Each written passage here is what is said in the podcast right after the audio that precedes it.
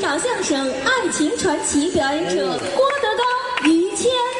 好久没说这个话了，谢谢啊，谢谢，哎呦，可了不得了，呃，送花的于老师啊来了，来吧，来吧，来吧，来吧，啊哎呀，哦。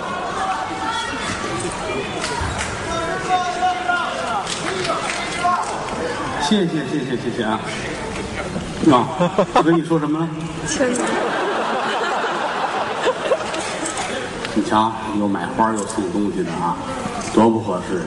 这个无以为报，其实赶明儿应该咱们给观众钱啊。您也是想瞎了心了， 这也没法给，有标准也行，没有标准啊。嗯，那就是比如说，谁要是乐乐的好，给哈，哈哈哈一乐，给给五十。哦，乐的都看见牙了呢，嗯，给一百啊，看见嗓子眼儿了呢，给二百啊，越来越咱早放哎你像于老师乐成那，咔给五千，为什么这么多呀？都看见裤衩儿了，空了堂了，谢谢吧啊！大伙儿对我们这么好，是，你这我们哥俩其实无以为报。对，我干这行也干了好几十年了，嗯，尤其跟谦儿哥合作这十几年，嗯，是我最快乐的事。你客气。老话说得好，人生难得一知己，哎，尤其是您先等会儿，咱们这都是相互的。嗯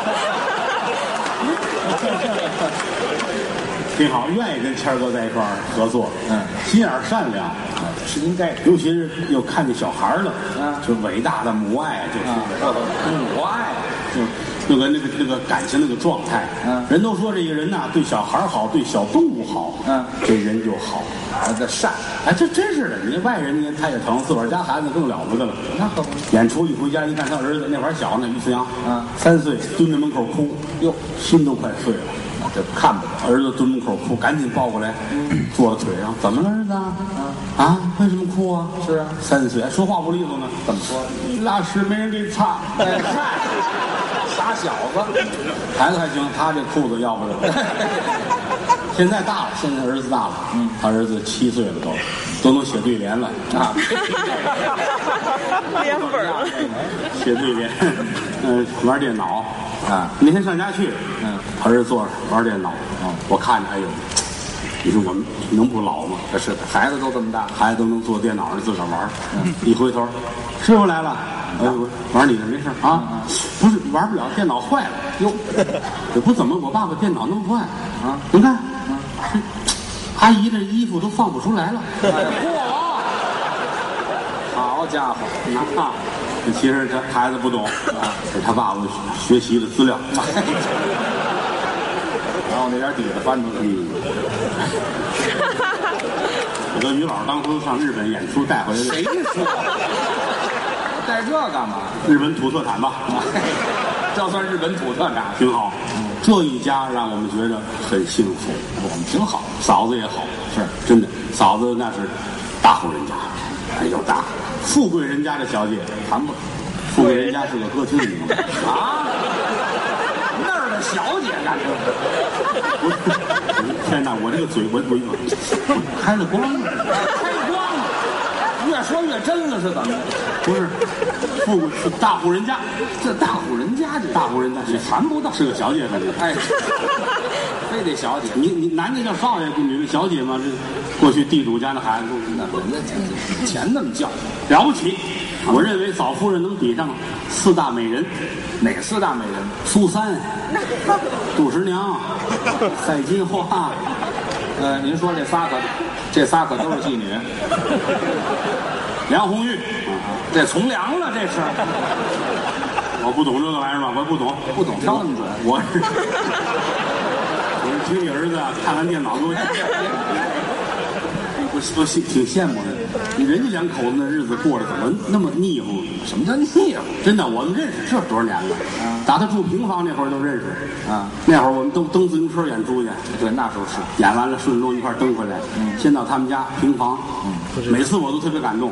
哦这媳妇儿门口公共的那水管那大盆洗衣服啊，干活看着，哎呦，家有贤妻，丈夫不做横事，还真是感动。谦儿哥也是，你看一早就干活了，啊，嗯自行车放下，灭族千宗啊，哦，过去问他媳妇儿，开玩笑嘛，啊，啪，在后边搂住他媳妇儿，嗯他媳妇儿很幽默，怎么说啊？人呢？嗯一会儿于谦儿回来了，太缺德了，这个他以为是我呢，也也没听说，有你什么事？这个我就说这个意思 啊。他两口子在一块儿，你看俩人聊天跟说相声一样。就那么逗，为什么你说相声说这么好啊有一半儿是因为你媳妇儿。在家练我们这同着一帮人坐一块儿呢，他两口子开玩笑啊，他没溜儿啊。怎么呢？同着大伙儿问他媳妇儿：“哎，你这都是我哥们儿兄俩，哦，我问点事儿，你跟我搞对象之前交往过男朋友吗？不是还当着人了你这你都是哥们儿，啊啊说出一个来，啊！给你一百块钱。” 哎这还有奖励的这？往心里说出一个来，给你一百块钱。哇，嫂子乐了，去去去去去，哎，还差你那三五十万的，这得交多少朋友啊？这好， 好什么呀？给对他照顾的无微不至，个对我是不错从头上到脚下，穿的、戴的、使的、用的、刷牙的、烫头的东西全有啊，好，全齐了，但其实他自个儿，你知道，他也不是说不会捯饬，我也会。搞艺术的啊，有齐白石一样的审美，您听听，狗一样的品味。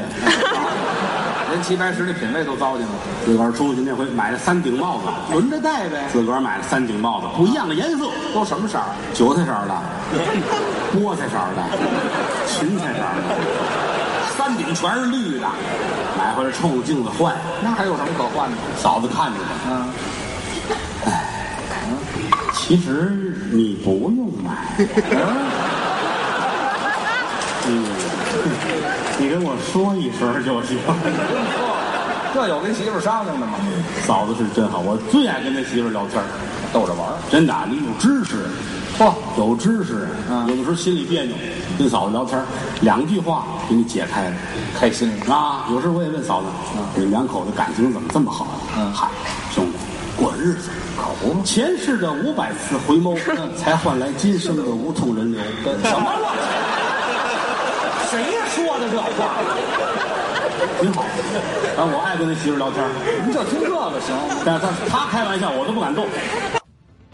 说相声好开玩笑，但是逢这会儿不敢动。是吧？老嫂比母，小叔子是儿啊。这是老令儿，多见着嫂子，咱们规规矩矩的。哎，嫂子好，你瞧瞧，嫂子也客气。是吗？死鬼，嗯，小没良心的。哦，啊，你也不上家去了啊？啊，怎么会？不是，我这家里看得紧，哎，这是没有这么聊天的，知道吗？上家上家吃豆腐去啊？吃什么豆腐？他儿他会炒菜，麻婆豆腐啊，什么红烧豆腐做的好。那么别扭，听着。有时打那儿过，哟呵，啊，到红灯区了啊！这个哎，没听说过。我们家住红灯区十字路口四个红灯，啊，对，他也得有绿灯的时候啊。有绿了，想起于老师来了，哎，这那还红灯区的噔噔噔一敲门啊，嫂子，我来看您来了。哦我来了，兄弟。嗯，谦儿哥呢？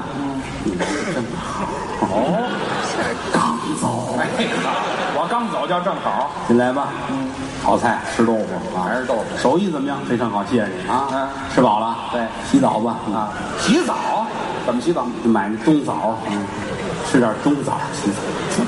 你以为是？我以为凑合吃点苹果就得了。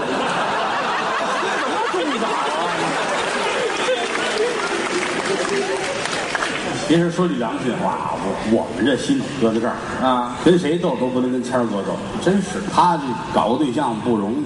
啊，是，真真坎坷。啊实话实说，真的，你打小儿我们了解他，是我们一块儿，我们打小长起来的，都知道。北京话我们这叫马小啊，妈呀，没听说过，这 叫什么？叫发小啊，改小龙虾了这。啊我们俩我们这叫发小，对他是法国人的小孩儿，哎啊，谁说的？我是个法国人，哎，去，您到底知道没不？白这病哎发发小啊，发小。一块儿长大的，一块儿长大的孩子叫发小，对他这搞对象，我们从头到尾全看见过，全过程都那是一本血泪史，还学有血有泪有史。哎，我这怎么么那么脏啊？打小他爸爸给他定娃娃亲，啊，我赶上了。那年头老北京人兴这个呀。是他爸爸有一朋友，家里有一闺女，哦，他爸爸说行行行，咱们做亲。啊，这就定了。哎，我儿子于谦以后就是你的女婿，嚯、嗯你闺女长大嫁给我儿子于谦，我儿子于谦拿你当亲爹一样，我儿子于谦一定会孝顺你的，我儿子于谦。什么事这？你老拍着胸脯，我儿子于谦干嘛呢？形容嘛，形容你这这说别的知道吗？当然你那个你成得了吗？啊娃娃亲，大人高兴，孩子呢，对不对？没知那年他四岁，多小。女方五十二，哎，好嘛，找干妈来了我没成功嘛。啊，这到后来，到后来十七八岁，情窦初开啊啊，这自己又交了一对象，这就正常。挺好，但是也没坚持到最后。怎么呢？那个女孩被他二舅带走了，哦，就是他现在的三舅妈。啊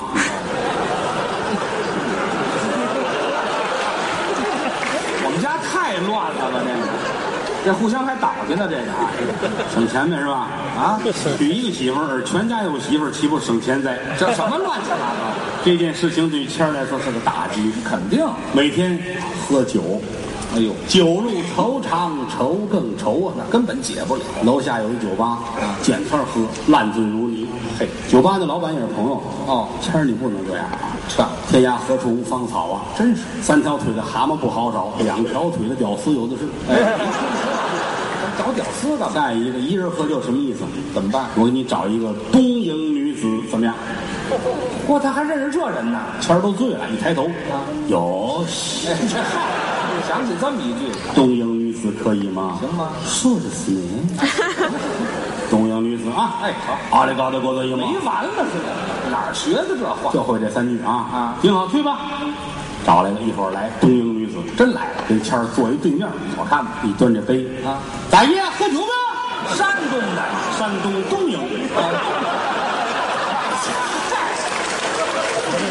山东那东营的，这要找一寿光的，是葱味儿找的种菜的的啊，这都没成了。啊，是成不了。到后来有一天夜里边儿啊你看见一个夜归的女子，夜归那姑娘背着个包啊，在前面走，谦儿在后边看着，哎呦，嗯怎么样？惊为天人一样，我喜欢他。喜欢她，哦嗯，真漂亮啊！是是追她，哦，人家前面走，她后边跟着，追穿大街越小巷，四十分钟啊！哎到最后这姑娘站住了，怎么一回头说什么？你再不动手，我可到家了啊，哎，没听说过，等着人动手呢，这个很开心啊啊。认识一下吧，啊我叫什么，你叫什么，都挺好的。哦打那起，两个人就开始来往了。啊，就交朋友。谦儿决定请人吃饭，哦，这这正常。哎，那会儿也没有钱，是啊，就找一小饭馆呗，哎对，往这一坐，嗯，点两瓶啤酒，是要几个炒菜，好，不为了吃，就是聊天儿跟女孩坐一对面，嗯，那个我现在没有什么钱，哦但是我心意在这儿，嗯，我愿意跟你好好的啊，来吃菜，吃菜嗯，鱼香肉丝，女孩刚要吃，菜臭啊，嗯，对不起，啊这小贩子，服务员，过来，服务员过来，怎么？了？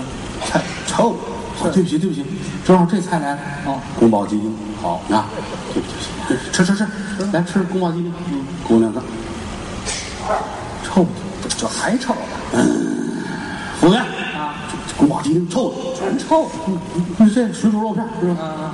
一千四本，我臭的，还臭呢。你们这买卖还干不干了啊？啊，服务员看半天，嗯，先生把鞋穿上。哎，这嗨，搅熏的这是这才提上鞋，啊，俩人吃饭，哎，菜都能吃，那是啊啊，因为这个，实话实说啊，这青年人这身体好，他难免这个。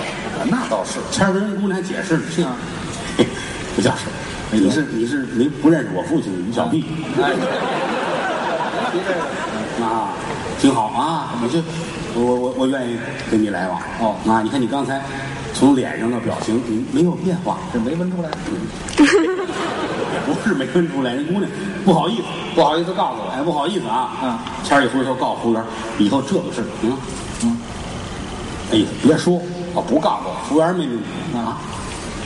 什么？别说，大声说！哎，你亚麻得，哎嗨，亚麻得，大伙儿都了解是吧？啊都知道吗？哦不知道。就那个角落啊。 我劝劝你们少看那个嘿日本爱情动作片啊，两三个人演那个电影啊，那一句日语啊对，不要的意思啊。因为于老师家有电脑，电脑后来坏我了。我不用，你说那么细致干嘛呀？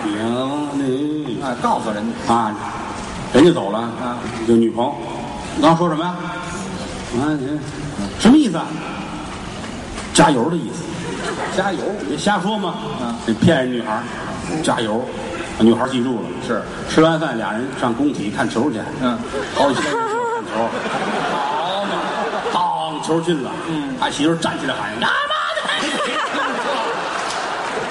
胡说八道呢，整个工体鸦雀无声，那是连踢球带看球都傻了。啊，全都瞧他一人。那是啊，嗯仙儿哥觉得脸上有光彩。我也不知道什么叫没羞没臊。啊，就这种小插曲发生了很多。嗯，半年之后，嗯呃女孩提出来了，嗯，谦儿，我要和你同居。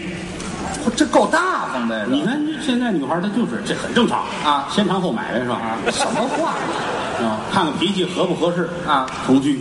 谦儿脸红了，没听说过哎呀，呦害臊，嗯，找我来了，德刚，咱都是哥们儿啊，啊，有的事儿你该替我，你得替我啊！哎，哪儿就替我呀？我也没明白，我怎么了？你说说，你女朋友要要要跟我同居啊？我害臊，你看你能替我吗？啊我是你这胡来啊！就是我这喝着中药呢，你啊寻思，别提这个，是这个事儿吗？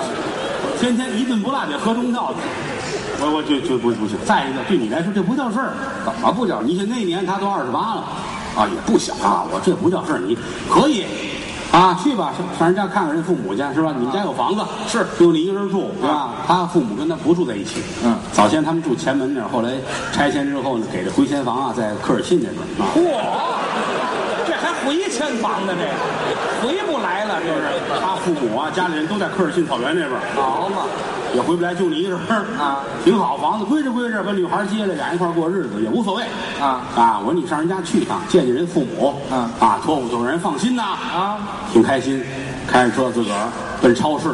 干嘛呀？买点水果什么的呗，哎，有点礼貌，见见人父母是吧？嗯，哎，买完水果打超市出来，开车门装东西，嗯，旁边过来一男的，哦，要 盘吗？卖盘有好的啊，有好有好的，美国的、韩国的、日本的，哦，苏 联的，赞比亚的，越看越偏。干果不拉柴味儿的啊，好家伙，要哪儿的全有啊。谦儿愣了，有那个特别好的吗？特别好，看人要什么特别好的，那个什么光头强什么这动画片儿啊，个，单纯了吗？单纯了吗？啊我这，也太单纯了。啊，要不不，那给他看他。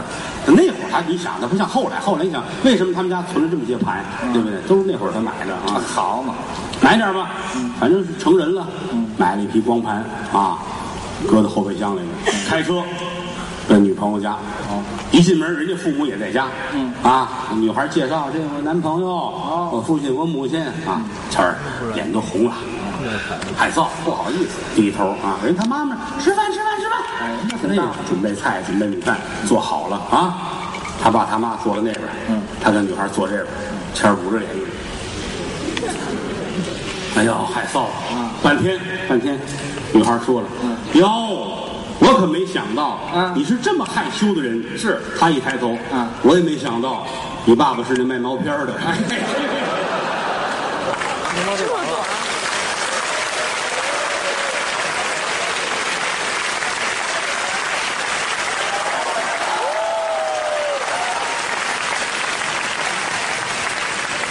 后来啊，这个哎，行了行了，您这玩意儿还连续的 呢。我爱说点于老师的 事儿，因为这个于氏家族啊为中国相声界贡献了很多素材，哎，这就是您说呀，好多事儿也未必是假的，是吧？啊这没有真的。有真的，有有真真的。的你看，有的时候我爱说点真事儿，嗯其实倒不是说拿这事儿糟践于老师，不是，怎么只是抒发一下感情。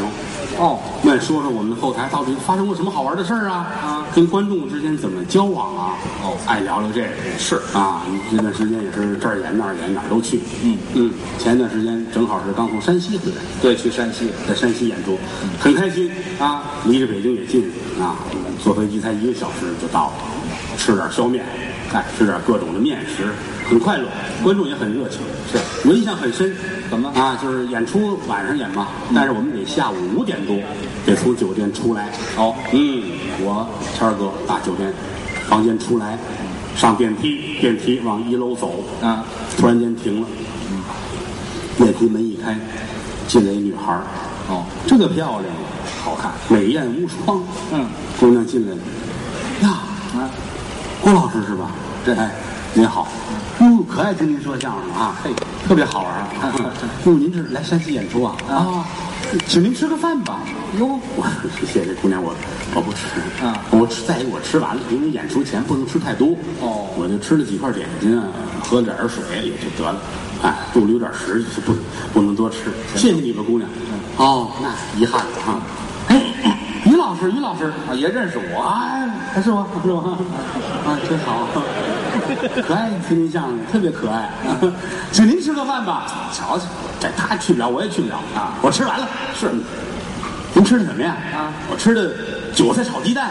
嘿哦，刚才那屁是你放的吧？哎，什么乱七八糟妈呀！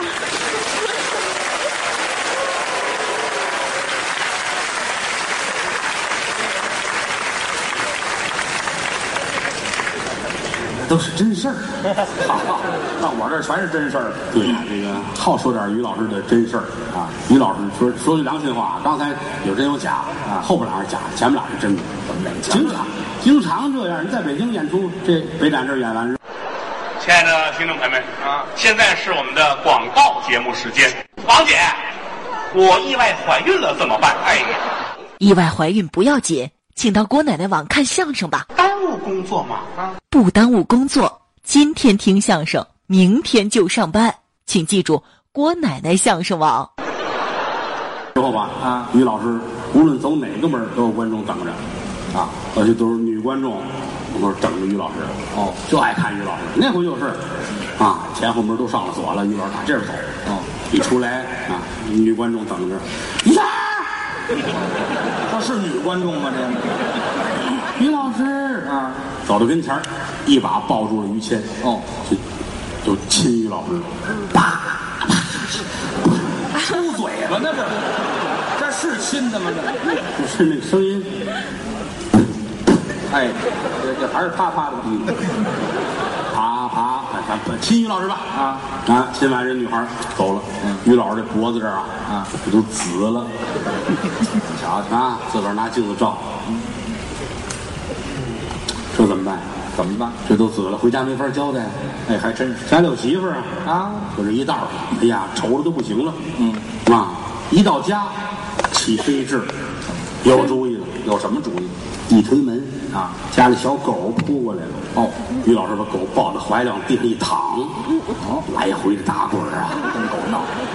这儿站起来把狗扔那儿，嗯，讨厌，嗯，这倒霉狗啊！你看这没轻没重的啊，咬人。媳妇儿站这看着，怎么了？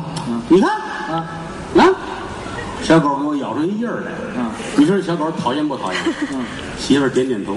嗯，小狗真讨厌。嗯，一撕这怀，我这儿有一块儿。哎，去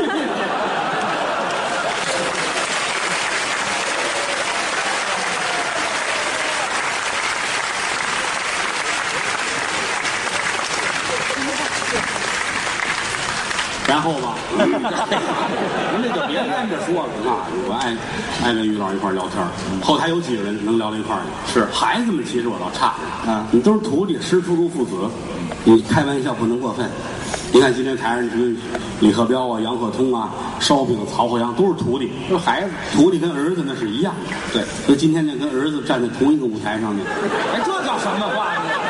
把我给饶进去了那那他他们是干的啊，啊！我是亲的，是吗？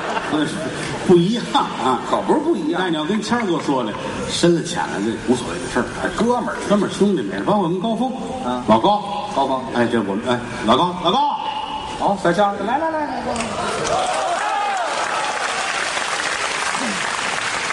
朋友们好，老高会说法国话，啊，他们俩发小啊，对，我是法国人啊，哎，什么话您这我都们是？仨师兄弟儿，对，我师傅侯耀文先生，嗯，哎，谦儿的师傅是石如宽先生，石先生他是范老师的哎学生，没错范老师范老师，哪有这么个关系？叫什么？范振钰先翻译过来是范振钰，生没有翻译，一翻译就一个名字，就就叫范导爱啊。非得给我们弄日本去。哎，可惜呀、三位先生都去世了。哎， 我是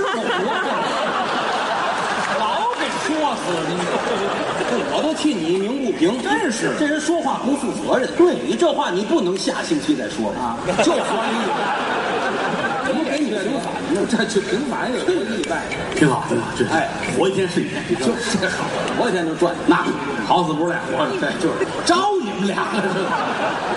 祝愿他健康长寿。你说了算呐。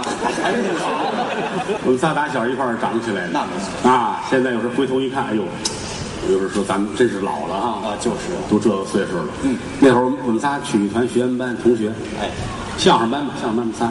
我我记得老高那会儿就这么高，哎，我长个儿早一点啊。打小我们班最高就是他。对对对，老说哟，我们班有电线杆子。嗯，小时候还有人起外号嘛，是这孩子跟电线杆子似的，那阵儿高又瘦见天儿吃树叶儿，老说 他。小孩儿嗯就吃树叶。小孩儿们嘛，可不用那个。那会儿我想，你到这儿，哎，对对对，是吧？这几年长这么点儿啊，小时候来的时候就比现在他烂头，哎，对，就这样。他小时候好就没人样儿，那哎怎么叫没人样？ 他小时候可胖了，哎那叫没人样呢。就就太胖了。个儿太大，啊，对，又矮又胖，小时候。对对对我他那会儿，因为他那个，他小时候吃奶啊，他妈上学校来，怕 大家记不住似的。营养好的那会儿啊。你赶上我他妈送饭来吗？啊，那回啊，我头回吃的。哎，我印象反正是，谦儿小的时候就是矮胖子，对，又矬又胖，嗯，老高是又高又瘦，哎，对，您在中间哎我们仨特别好，我们仨说一个事儿啊，学校那会儿上厕所撒尿，我们仨都一块儿去，你就那么交情，人就是这样。说我们仨撒尿的交情，您就知道了，嗯，仨人有多好。对，真事儿。啊那会儿就就是这个，下课了，老高，撒尿去吗？嗯，走，你瞧，准去，谦儿，撒尿去。他呢？啊，不去，嗯，没有尿，嗯啊再空空啊，空空，这玩意儿有空空就刷瓶子。啊，再空 空，这小孩儿一块儿玩儿呗。哎，嗯有尿吗必须去啊，不去给你打拉了，我告诉你。好，这啊尿蛮厉害。哎，一块儿上厕所，小孩儿淘气嘛，对，带个大高个儿，带个小矬胖子，我们仨上厕所。哎，仨人一我那会儿我我我老得站当间儿，您孩子我跟他们斗，对，站当间儿，这边站一大高个儿，嗯，这边站一小矬胖子，是尿着半截儿的，高峰， 我头看看我。尿人一裤子，那还不像一股瞎斗的小时候，于谦儿，尿一 脸。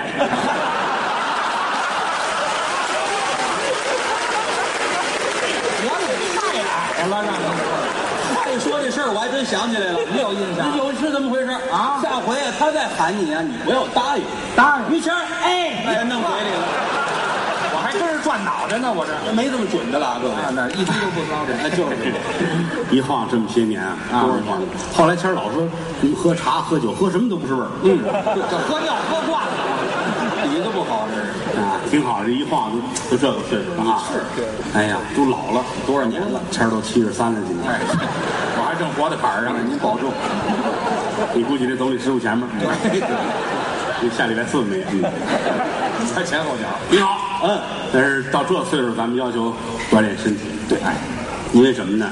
人呐，你这二十来岁儿啊，三十来岁儿啊，你净作，嗨，找病。那不年轻吗？你到这会儿四十来岁，哟，不行了，嗯，站时间长真累呀，那可不嗯是，真累呀，哎呦，腰都疼。你小的时候说这个腰疼，老师说去去去去去，人都不信。小孩哪有腰去？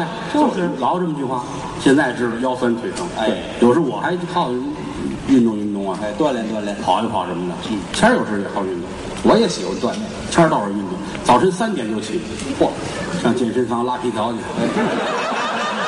哎嘿嘿嘿，郭老师，哎我三点钟早晨对去拉皮条，对 去晚点儿了吧？这个在头天晚上八九点钟的事儿，这耽误事儿了。哎对，替班儿，替班儿什么替班儿啊？啊，这不叫拉皮条，这叫什么呀？那叫拉背气。哎呀，谁知道人孙子啊？哎，我呀，就是锻炼身体锻。炼身体，哎，对，完事儿跑步，嗯嗯这个啊，拉这个到四点，嚯啊，四点出去绕着北京三环跑一圈儿，嗯绕三环跑一圈儿，这圈儿回来八点，四个钟头。哎，到家门口到小区进门，嗯，四个钟头， 好家伙嚯，就这不容易，说说良心话哎啊，哦是不容易天天儿这样，当然也不是说见天儿跑，啊这刚跑五点来钟就下雨了，嗯，这得回家，哎，那是啊，五点多到家，五点半，嗯，五点半，小区门口大屋里跑出一个来，嗯，也不是光你一个人跑，别人也锻炼啊，哎，也有锻炼的。这位裸奔，呃光光着，一丝不挂，这胆儿够大。跟于谦儿跑一对脸儿，于谦儿都傻了。嗯，哎呀，是新鲜。人家看着他，怎么着？谁让你回来那么早的？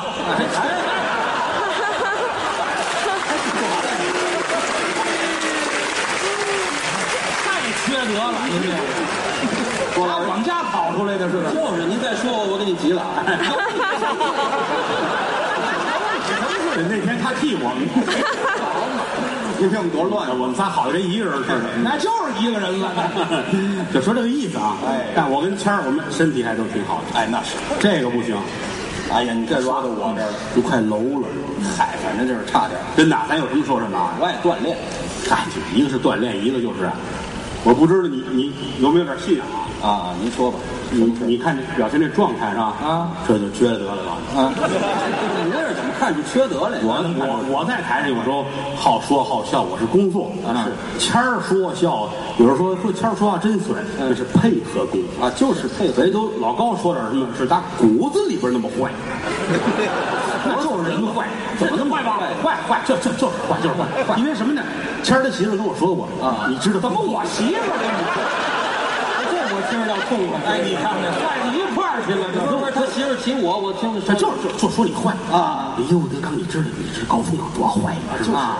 我都不爱跟你一块儿吃饭聊天儿嗯啊，就愿意跟我一块儿聊。哎，对，更厉害你这个。我给你看个病，哎，你嚯，你有这手艺，我那说不了。我一直没找着名医。你你看看，嘿，你您我会我我还我还会弄冥币呢。你要哦， 您自个儿烧了花子啊了。，我我给你哎号号脉好 哎，。你给我号号脉。因为什么呢？还这个信中医我告诉你嗯传统相声啊，我们这行其实就是属于传统文化。对好多中医，好多朋友，咱们都是哥们儿。都是相通的。啊，有的人可能在网上，我们不相信中医，我们只相信西医， 话别说太绝对。哎，这不应该。我给你举个例子啊，中医跟相声是一样的。怎么你说说相声好不好？嗯，好的话，那怎么别人卖不上票去呢？是不是？啊？也有道理对不对？你要说不好不好，怎么这儿天天满呢？是不是？啊这都在人跟这个行业没有关系。对，你这最起码你解放之后有一段时间中医断档了，哎好的中医有去世的了，然后后边有的这些孩子没续上，没跟不上上个学上三年毕业拿个证，他给你看中医，他还不会呢，他能治得好你吗？就是中医没毛病啊！来，快照快回去啊！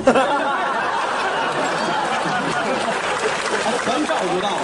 那受不了，哎呦，还平平身吧，人家后你好故意撒那儿，你看，你看哎呀，这是我你给他们先看看哎，看妇科我差，您这还是西医就是不是不是，这术业有专攻啊，对对，检查才行，这看看不好。别讲我，你看说哪儿忘了，咱重来啊！哎，重来吧。于谦儿他爷爷叫于屁股，您这票钱花值了，我告诉你们，听好几遍。高高兴兴比什么都强啊！这个是说这意思，说的你们给我看病，对，看病看病，说中医这儿啊，对哎，这个中医不是每一个都不行，那西医不是每一个都好，哎这是辩证的，嗯，它关键在手艺，对不对？你最起码我们接触好多中医，哎，一聊天一干嘛一好，这有能耐，有学问，有学问，包括我们也适当学习啊，脉脉分多少种啊哎，有这个七表之阴脉、八表之阳脉啊嚯，这好多跟你也说不清楚，你瞧他还真行，跟你一说不套一清套楚。，我们就试试。哎，行，那您还您万一万一，你比如你要好了，那不更好了，对吧？对您给对不对？钱，您就哎真的真的，这我喜欢上。因为什么？为什么说愿意你好呢？因我为相信中医，因为这个德云社，我们每年也发一些个什么福利待遇啊，有哎，德云社就给一些个墓地啊，然后哎，就是哪个单位发墓地，就是反正有有规定，啊，三年之内必须用，不用就收回来啊。不用就活 埋了。哎 哎不用强迫，对对。呃，因为这个，哦，您您不是不是没啊，男的男的男的，女的也没有好这儿的呀。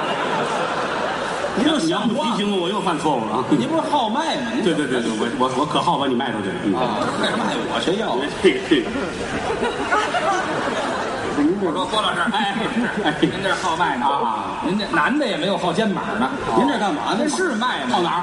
这儿，不我我关系大方不谢谢你啊！您别 我客这气，人看病四十多年，我才知道卖在 这儿。好家伙！还不如这病号呢。您给耗耗，我给你耗的这是抠脉，嗯呵，那抠脉如从夜游表而中空，哦，应见崩漏，下血过多必死。 您还是妇科好一点，可能 我说这名词儿我没有呢。哎别着急，别着急，别着急啊，哎稳住了，稳住了，嗯平心静气。对，好，我没着急啊。还照相。您怎么看完病再照我图呢？哪知道这边又跪下一个 啊？平身吧，朕很忙。 这里也也真给人好卖我这汗 好几个姑娘，你们这是哎呦，拿牌子来我，哎， 这我这开药方子那牌子。要啊不那手再耗不是你非死到他手里不可，你信吗？行了行了行了，看你怎行么了行了行了，可以。他有多脏啊！这牌好难的，我这手胳膊都馊了。 啊？您说说怎么回 你事把？鞋提上， 太好，还是鞋子你这个有点偏方。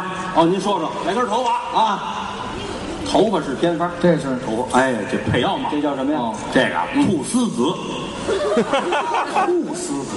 兔子的兔，不啊，我知道，您甭急。胡子啊，胡子这是兔须啊，兔须啊，还有这是龟背。 我不是兔子就是王八别着急，还没完呢啊，啊，还有呢。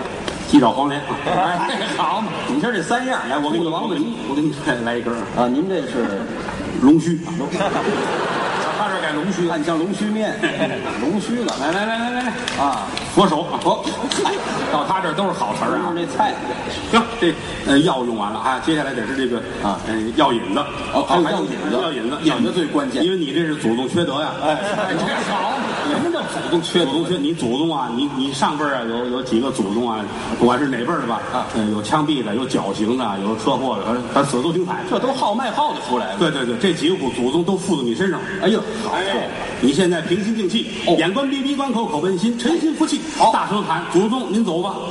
喊三。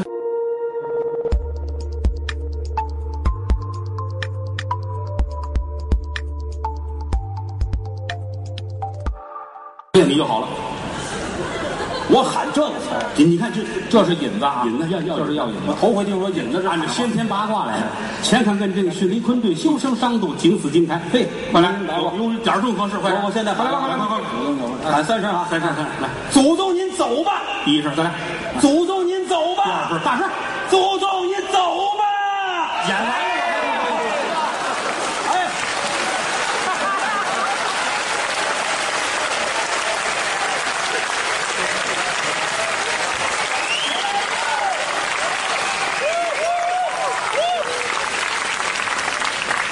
我以为他让我走呢，我看这这这哎，快喊就回来 吧。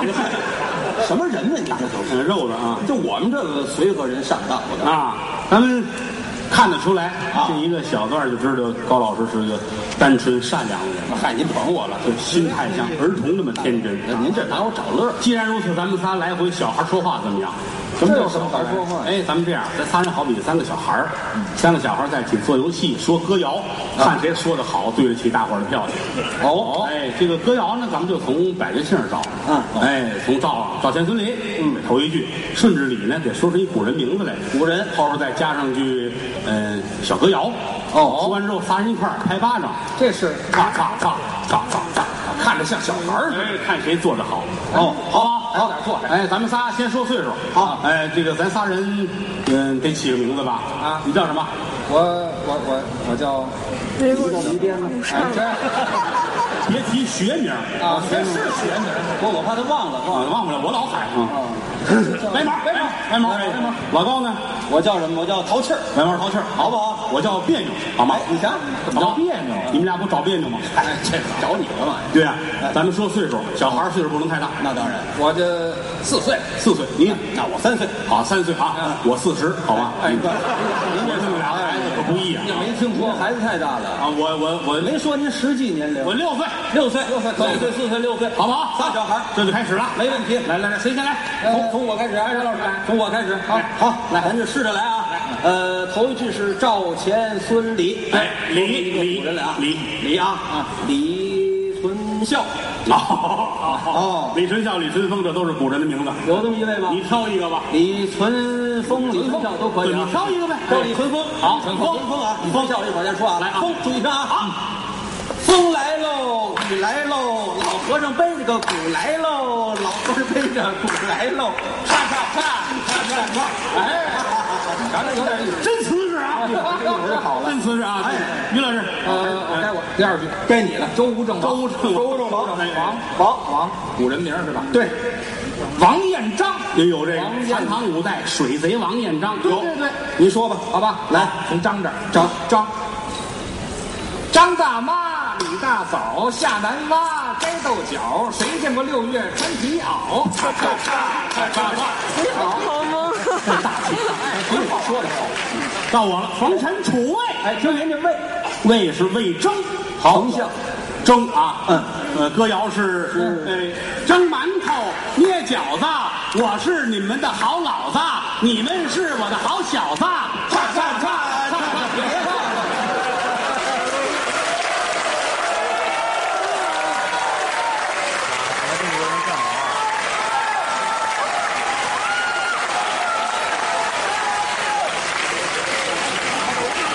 哎谢谢啊，我干嘛呢？这现场跟菜市场似的啊，多热闹啊，这么些个，嗯，唱一个，唱一个。好一个，好好好，哎，啊，呃，你是你们谁先 来一个？让人家唱，哎，我们仨里边儿各有特色。哎，你要说唱一个小曲儿小调啊，唱个什么传统的戏曲啊，我比较瓷实一点啊。对你要是唱歌呢，于老师比较好一些。哎哎，你来，于老师来吧。好吧，这是你们自己点的啊。这是好好好，于老师唱歌在我们这里边儿有一号，嗯，后台的女高音啊。哎，女高音呐，因为什么呢？就她确实唱得好，她是在歌厅长大的。哎，这历史这得说说啊，您也别客气啊您也会唱啊，郭老师也唱啊。别闹别闹，我不我真不，为什么我唱我唱的歌你们都知道。那也你行大腰在冬季是吧？哎，就爱听这个吧。大家欢迎您给唱一个。都透了街了还听啊？哎，这乐俗，轻轻的，我将离开你，请将眼角的泪拭去。来一个。早先我跟齐秦关系可好了，是，现在呢，现在都不来往了。没法来我还会唱那个呢，您唱的啊晚风轻拂澎湖湾，白浪逐沙滩，唯有椰林缀斜阳，只是一片海蓝蓝。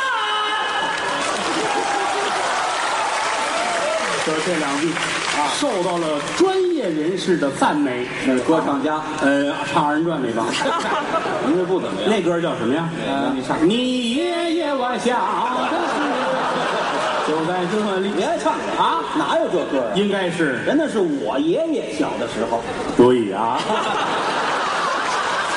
我感觉我又上当了。高峰，高峰，你来了，我省事儿。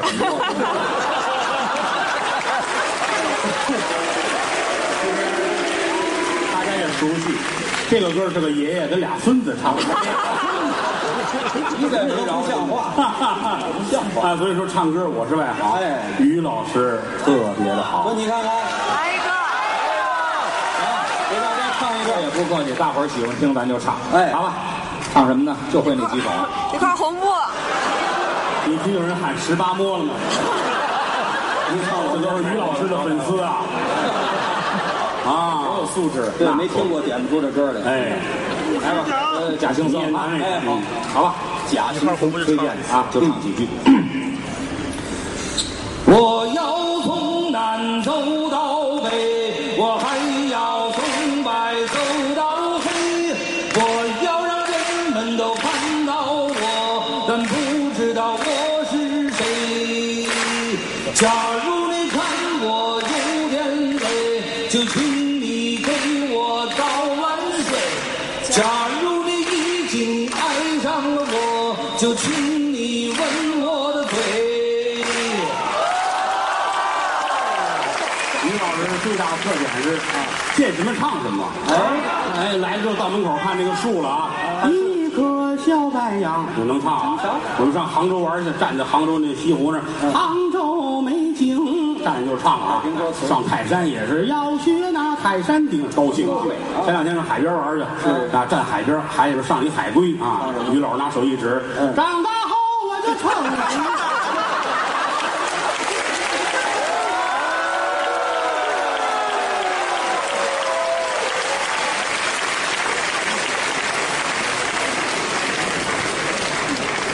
谢谢啊！啊，大伙儿太鼓励了。你看这个，花点钱你也值，是不是啊？啊，你说今儿你说好多人都没来，我都替他们后 悔。不来的，不来的，后果自负。什么后果？后果很严重，什么后果呀省不少 钱这家伙赶走啊！你了。看，我们都卖了蹲票了，这都是啊，观众在离您近一点。就是有蹲票、撅票啊、趴票啊这票是挣钱，啊！去，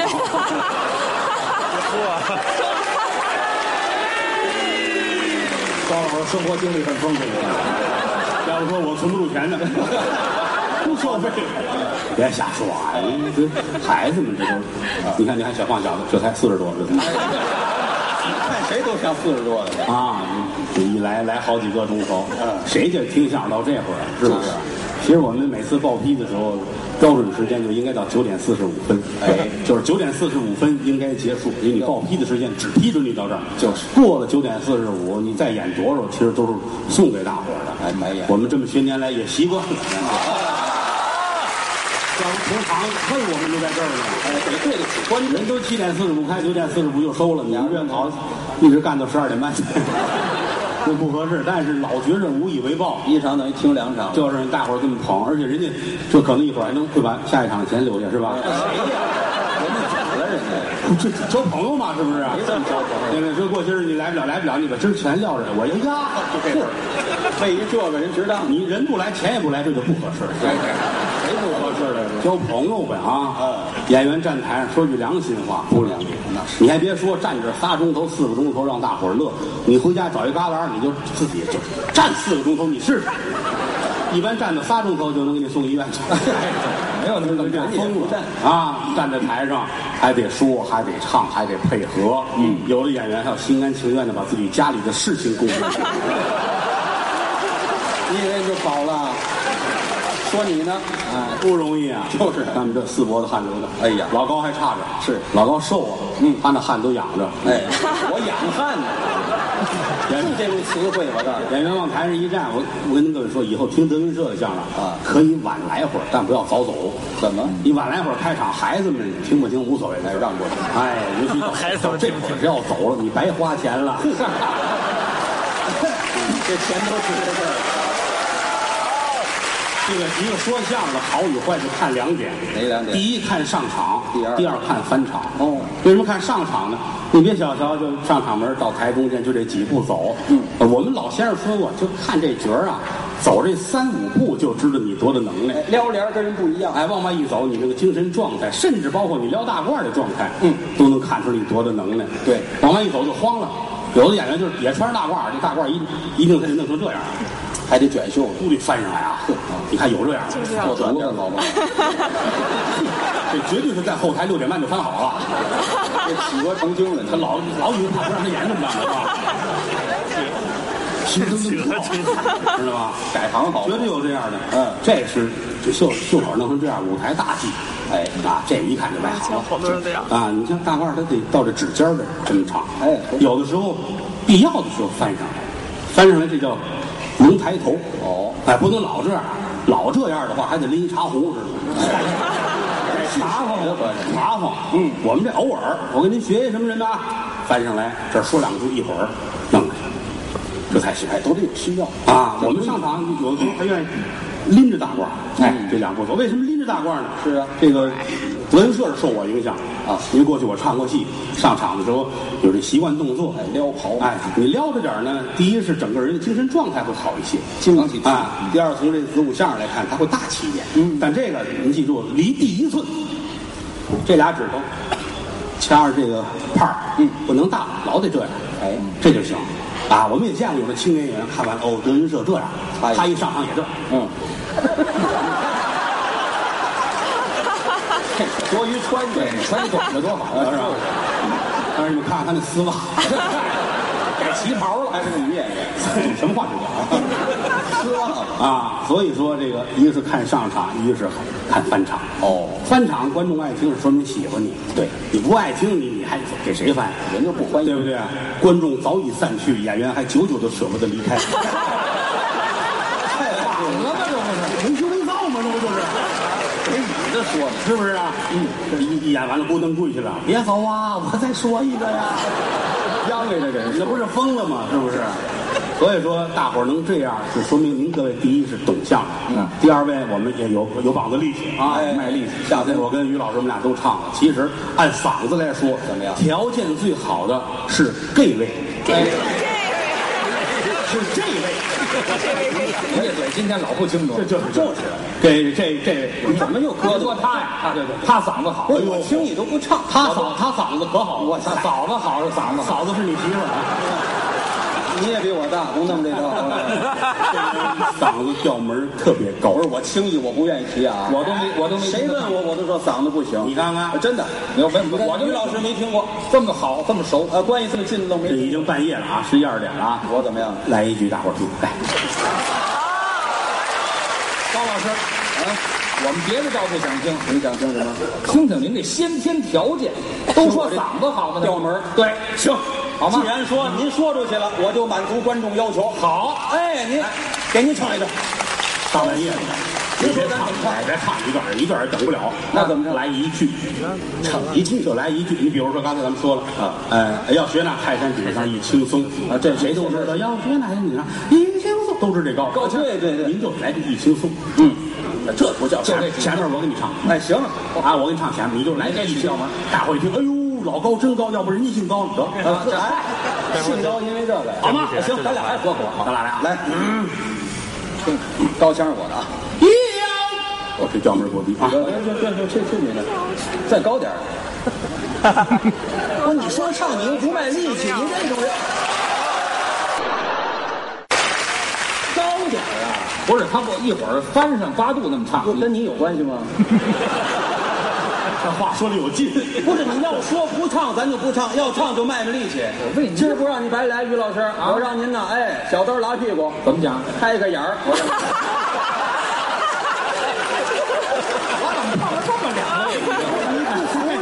他要是开开眼儿，我就相信他爸爸叫于小 屁了。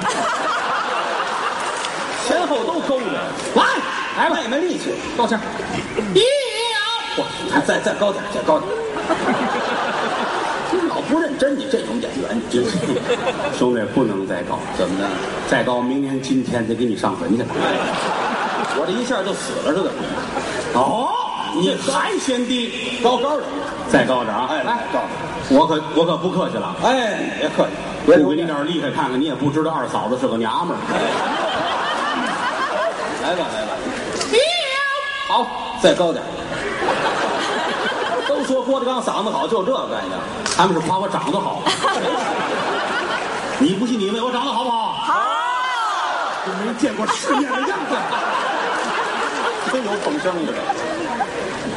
呀！谁踩你肾了？我就马躺街上。这基本功不怎么样，这是这尽你所能吧。我不管你啊，就这样了。哎，您给点评点评于老师，您客气，我欣赏，我欣赏。哎，您别客气，没听过，来吧，来吧，就这样门啊。好，学哪？ 泰山顶上。